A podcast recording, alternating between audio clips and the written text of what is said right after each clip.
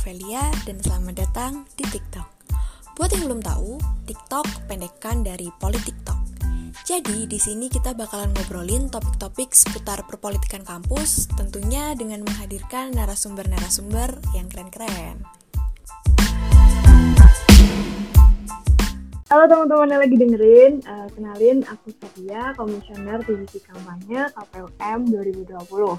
Jadi hari ini aku bakalan ngobrol-ngobrol bareng sama seseorang nih yang yang kayaknya tahu banget gitu tentang KPUM ini. Siapa orangnya? Langsung aja. Ayo Mas, kenalan. Halo semuanya teman-teman, kenalin aku Ridwan. Jadi tahun ini diamanai jadi Ketua KPUM 2020. Salam kenal semuanya. Halo Ridwan. Halo Velia. Sebelum ke topik tentang KPUM nih Mas, kalau kita dengar uh, dua kata politik kampus gitu kan, kira-kira tuh apa sih yang terbersit dalam kepala si politik kampus itu?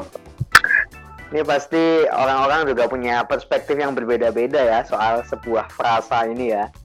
Nah, kalau menurut aku secara pribadi nih, aku kan juga bukan orang yang udah lama ya berkecimpung di situ, baru beberapa waktu belakangan dan ketika mempelajari lebih lanjut, wah ternyata asik juga ya, gimana di politik kampus inilah kita bisa semacam apa ya mengemukakan ide kita sebuah ide tentang perubahan gitu. Jadi kayak kita mau membuat UGM tuh lebih baik dari sisi mananya. Kita bisa sampaikan di sana terus nanti ketika mekanisme politik kampus itu berjalan kita bisa tuh merealisasikan ide yang kita bawa itu kayak gitu. Jadi kayak asik banget karena kita bisa memperjuangkan apa yang sebenarnya kita pengen perjuangkan kayak gitu Vel kira-kira. Oke keren keren keren. Uh, jadi sebenarnya kalau kita ngobrolin politik kampus itu kan banyak ya lembaga-lembaga yang ada di dalamnya gitu kan. Ada BMKM ada NPM ada DPM gitu Betul. KK ini kan ada karena satu lembaga lain nih gitu kan. Nah, yaitu KPUMKM itu sendiri gitu. Oh, betul betul betul banget. Ngomong-ngomong tentang KPUM nih mas, kira-kira apa sih KPUM itu? Terus oh, iya. dia tuh punya visi apa gitu di, yeah. di ranah KPUM? Yeah. Jadi kalau KPUM sendiri kan memang ini ya sebuah lembaga, tapi lembaganya ini tahunan, jadi setiap tahun dibentuk baru lagi kayak gitu dan KPM ini menyelenggarakan pemilu mahasiswa, pemilihan umum mahasiswa, di mana pemilu ini digunakan untuk memilih eksekutif sama legislatif dari KMUGM. Eksekutifnya nanti sama BMKM, legislatifnya itu bentuknya MPM. Tapi yang dipilih yang diselenggarakan pemilihannya oleh KPUM itu hanya DPM UP atau unsur partai. Sedangkan unsur unsur fakultas itu dipilih secara mandiri oleh fakultasnya masing-masing kayak gitu, Vel. Nah, KPM ini bertindak sebagai penyelenggaranya gitu. Jadi kayak menyelenggarakan mulai dari pendaftaran, terus nanti sampai kampanye, sampai penghitungan pemungutan dan penghitungannya kayak gitu. Nah, kalau yang tahun ini emang mungkin agak sedikit berbeda ya karena di masa pandemi. Jadi pemilu kali ini visi misinya yang jelas utama jelas uh, adalah penyelenggaraan sistem e-vote ya agar lebih efisien kayak gitu. Terus ada juga gimana menghasilkan calon yang lebih berkualitas melalui mekanisme grand design itu diperluas gitu ya. Terus ada juga transparansi, kemudian apa pemantauan kampanye yang lebih ketat gitu. Sama juga uh, pemilu yang lebih inklusif. Jadi biar semua orang tuh tahu ada pemilu ini dan tahu mau memilih calon mana sesuai dengan hati nuraninya masing-masing. Kayak gitu, Fer keren keren. Ini aku kayak pura-pura nggak tahu gitu ya padahal tahu gitu. Iya nih Vel nih. Kamu harusnya yang jawab ini Vel semuanya? Oke. Okay.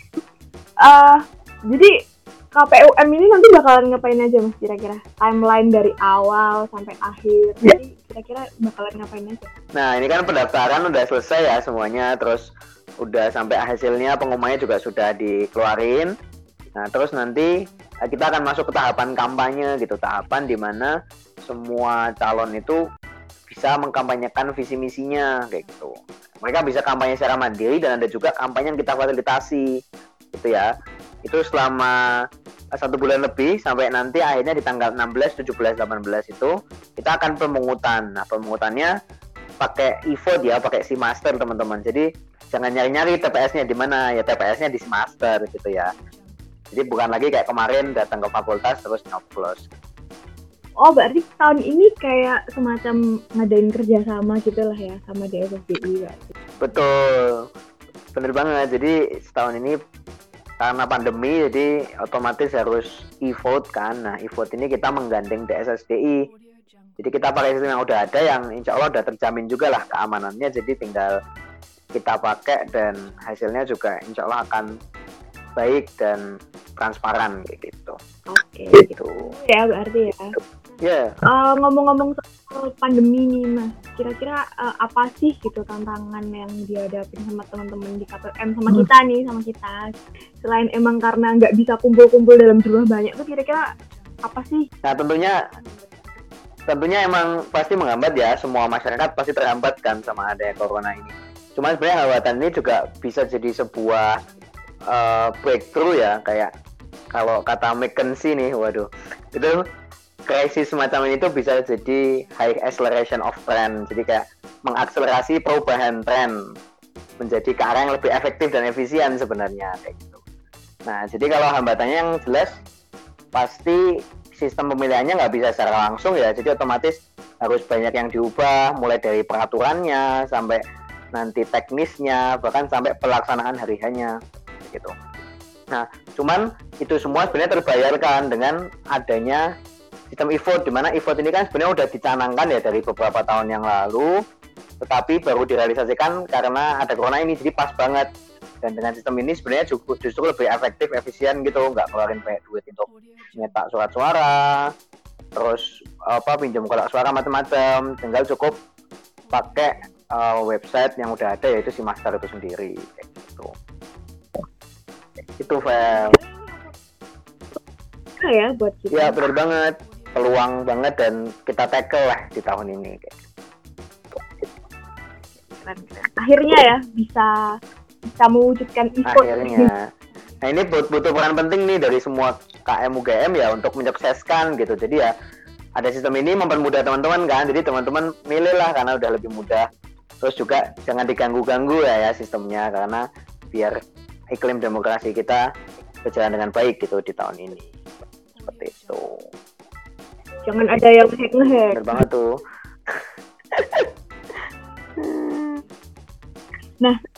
Dengan tata cara pemilu uh, KM UGM yang beda tahun ini ya Mas, eh, harapan dari K- KPUM sendiri khususnya eh, Mas Ridwan nih sebagai ketua tuh apa sih?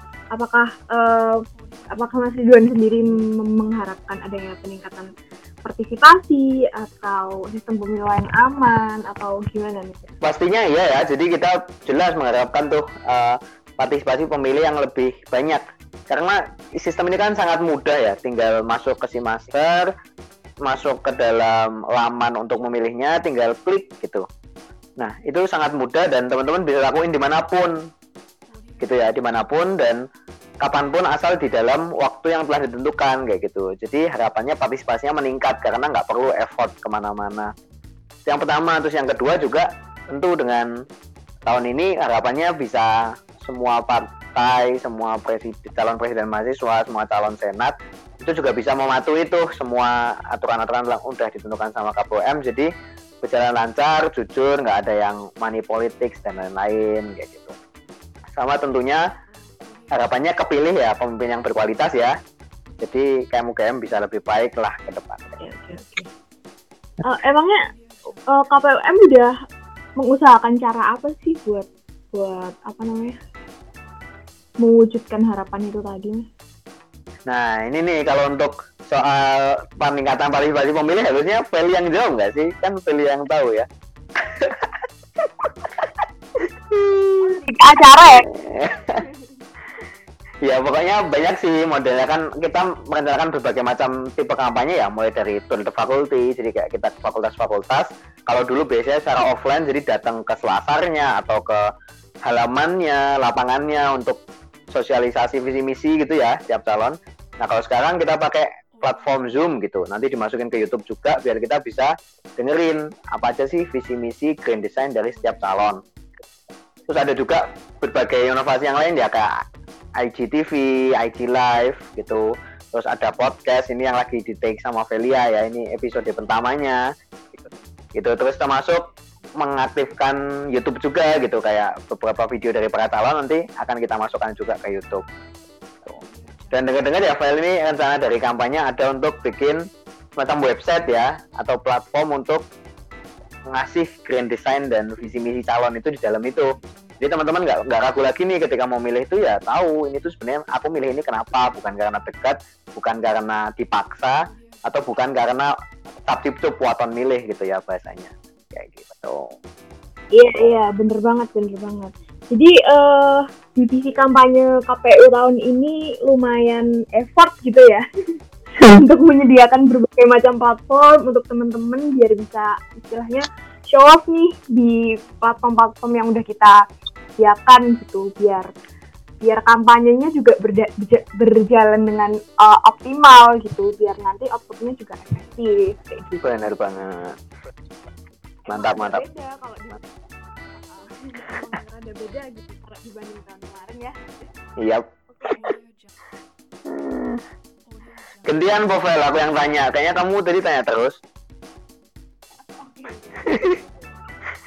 Emang kayak gimana sih kalau dari kampanye uh, cara pengaturan kampanye gitu apa aja sih yang boleh dan nggak boleh dilakuin sama para calon selama masa kampanye sebenarnya Oke, kalau untuk cara pengaturan kampanye sebenarnya ini tuh udah udah secara detail ya kita kita tuangkan dalam PKPUM nomor 5 yang nanti uh, insya Allah bakalan rilis di tanggal 1 gitu. Jadi uh, sebenarnya basic sih apa mungkin kita mulai dari apa yang nggak boleh dilakuin gitu kan.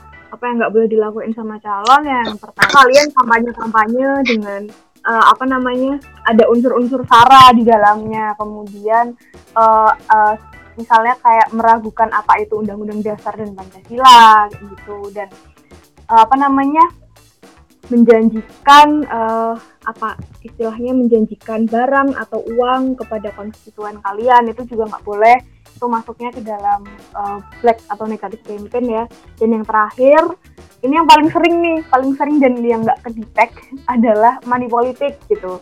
Sebenarnya uh, di PKPM juga udah diatur kalau teman-teman semua mau kampanye dan ngasih barang itu kalian diperbolehkan uh, apa namanya jumlah atau harga barangnya itu maksimal uh, ribu rupiah gitu. Tapi kalau teman-teman ngasihnya uh, apa namanya lebih dari 2000 berarti itu dihitung atau kita hitung sebagai uh, money politik kayak gitu. Benar banget tuh. Kalau yang boleh apa aja Val berarti? Oh yang boleh banyak banget. Kayak yang tadi udah disebutin sama Mas Ridwan ya, kita uh, kita tahun ini menyediakan banyak banget platform. Itu ada podcast, ada IG live, ada IG TV, ada website, terus ada apa lagi tuh? Sampai lupa saking banyaknya. Oh, nanti, itu nanti di situ teman-teman bisa tuh kayak maksimalin uh, penyampaian visi misi kalian, penyampaian uh, apa namanya rencana program kerja, apa pun itu, apa pun yang ingin kalian sampaikan maksimalin aja di situ. Pokoknya intinya di sini KPUM uh, memfasilitasi kalian lah. Benar banget banget catatan ya dengan catatan nggak boleh masukin unsur-unsur yang aku bilang tadi di awal. Itu sih. Dan jangan lupa itu juga bakal diawasin ya sama teman-teman Banwas. Jadi kalau di di pemilu itu kan nggak cuma KPUM ya. Nanti ada Banwaslu sama ada MPUM atau Mahkamah. Nah jadi nanti ketika ada potensi pelanggaran gitu bakal diinvestigasi itu sama teman-teman Banwas dan nanti kalau misalkan ada semacam sengketa atau misalkan masalah hukum nanti akan diurusi sama Mahkamah Pemilihan Umum kayak gitu. Jadi kita nggak cuma sendirian ya di KPUM ini, ada beberapa perangkat-perangkat lain yang juga turutlah berusaha untuk menyukseskan pemilu tahun ini kayak gitu. Benar, benar banget. Gitu. Itu salah satu pertanyaan kamu gak sih, Vel? Tapi udah aku jawab. oh iya. yang ngomong-ngomong soal mahkamah, mahkamah itu apa sih, Mas? Jadi mahkamah itu semacam persidang pengadilannya gitu atau si, apa namanya lembaga yang berhak untuk mengadakan persidangan memutus sebenarnya hasil pemilunya ini valid atau enggak terus ketika ada sengketa ada permasalahan antara dua belah pihak nah itu nanti yang berhak memutus adalah si mahkamah ini kayak gitu tapi ya kalau bisa uh, semuanya berjalan baik ya nggak perlu ada sengketa-sengketa yang menang ya dia uh, apa siap untuk mengemban kepemimpinan yang kalah juga legowo gitu.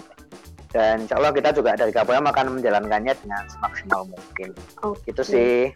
Ini bedanya aku mau sedikit cerita nih ngomong-ngomong soal kampanye ya. Gimana tuh Vel?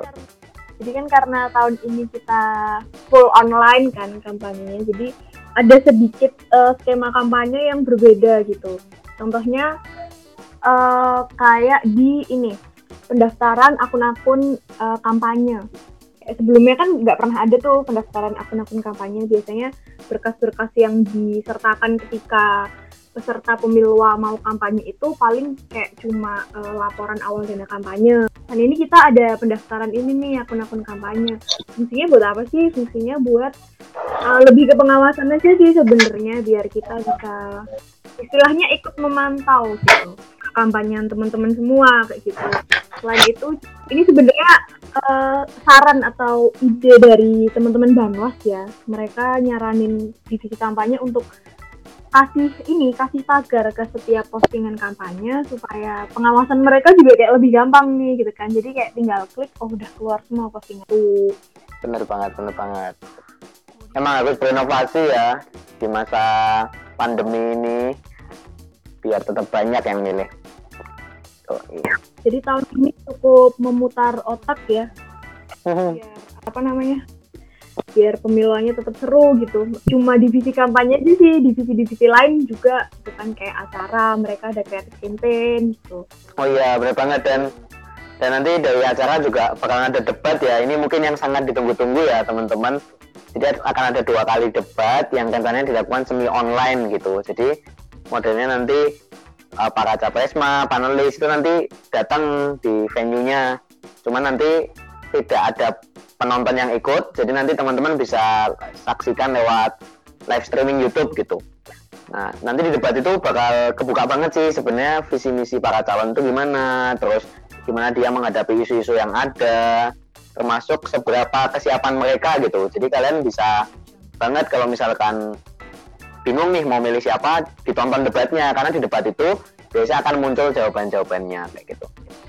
Tuh terus juga ditambah lagi sama grand design yang dipublikasiin. Jadi teman-teman bisa tahu nih bahkan kalau tahun ini seluruh anggota eh, seluruh calon DPM itu juga wajib ngumpulin grand design ya Vel ya? Jadi iya. jadi mereka kita bisa tahu tuh sebenarnya mereka tuh mau berkontribusi apa terhadap MPM kayak gitu. Yang Capresma juga ada grand desainnya jadi kalian bisa pantengin sih siapa tahu ada yang sesuai dengan hati nurani kalian tuh visi misi mereka gitu iya bener banget tunggu ya apa namanya debatnya pasti bakal seru ya selain itu kita pasti juga bakal tahu nih sejauh apa kemampuan calon-calon presiden mahasiswa kita ini dalam menjawab pertanyaan-pertanyaan. Bener banget. Kayak kemarin tuh contohnya si debatnya Joe Biden sama Donald Trump kan menarik kan. Nah, yang UGM juga bisa tuh kayak gitu. enak ya flownya ya mereka. Iya. Tapi kalau mereka serang-serangan sih. Nah kalau yang UGM nggak tahu deh kita lihat besok. Terus kayaknya kalau serang-serangan juga?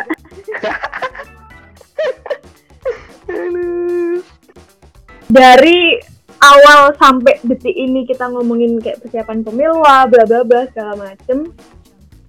Pertanyaan gue nih mas. Siap sih KPU dalam menghadapi pemilu tahun ini? Kita pasti menyiapkan dengan optimal ya, karena kita udah persiapan udah dari sejak bulan Juli, udah kita matengin juga sampai kita dapat koordinator divisinya atau komite pelaksananya, sampai sekarang stafnya terbentuk dan udah masuk ke fase pendaftaran gitu. Kita udah memanage juga sih risikonya seperti apa, terus udah memplanning juga sebenarnya ke depan itu kita mau ngapain aja kayak gitu. Jadi sebenarnya eh, teman-teman silakan mempercayakan kepada KPUM gitu ya. Tapi kalau misalkan ada yang ingin disarankan, monggo bisa juga nanti via DM atau via CP kita bisa dimasukkan ke sana kayak gitu. Tapi ya teman-teman bisa percaya 100% sama penyelenggaraan pemilu dan siap mendukung gitu ya karena kita sendiri nggak akan bisa nih kalau menyukseskan pemilu sendirian karena justru peran aktif dan pentingnya itu ada di teman-teman konstituen KMUKM semua. Oke, kapan tuh Mas pemiluannya?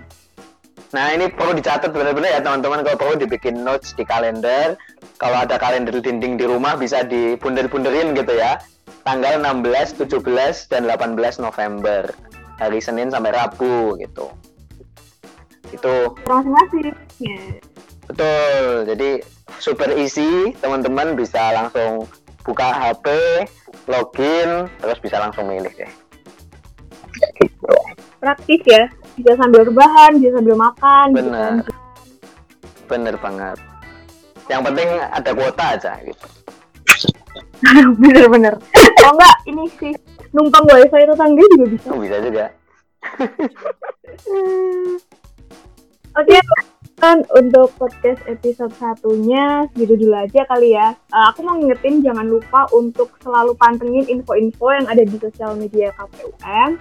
Kita di Instagram ada di @kpum.ugm, terus kita juga ada di Twitter di @kpum underscore UGM, terus ada di YouTube, Spotify, dan juga OA lain. Itu semua ada di KPUM UGM, hurufnya besar semua gitu. Mas Ridwan ada yang mau ditambahin mungkin? Pokoknya pantengin terus ya podcast dari kampanye ini. Di setiap episodenya bisa didengerin sambil makan, sambil nunggu kuliah, atau sambil uh, menggalau di malam hari ya daripada mikirin mantan terus mending dengerin podcast Pomelo. terus jangan lupa milih di tanggal 16, 17, 18 dan buat para kontestan jangan lupa untuk menjunjung tinggi kejujuran dan juga uh, kerja keras lah dalam menyukseskan pemilu tahun 2020. Benar-benar. Untuk episode-episode selanjutnya kita bakalan ngobrol bareng calon-calon presiden mahasiswa dan petinggi-petinggi partai nih, partai mahasiswa di UGM. Jadi jangan lupa buat pantengin. Oke, gitu aja. Eh, makasih semuanya. Dadah.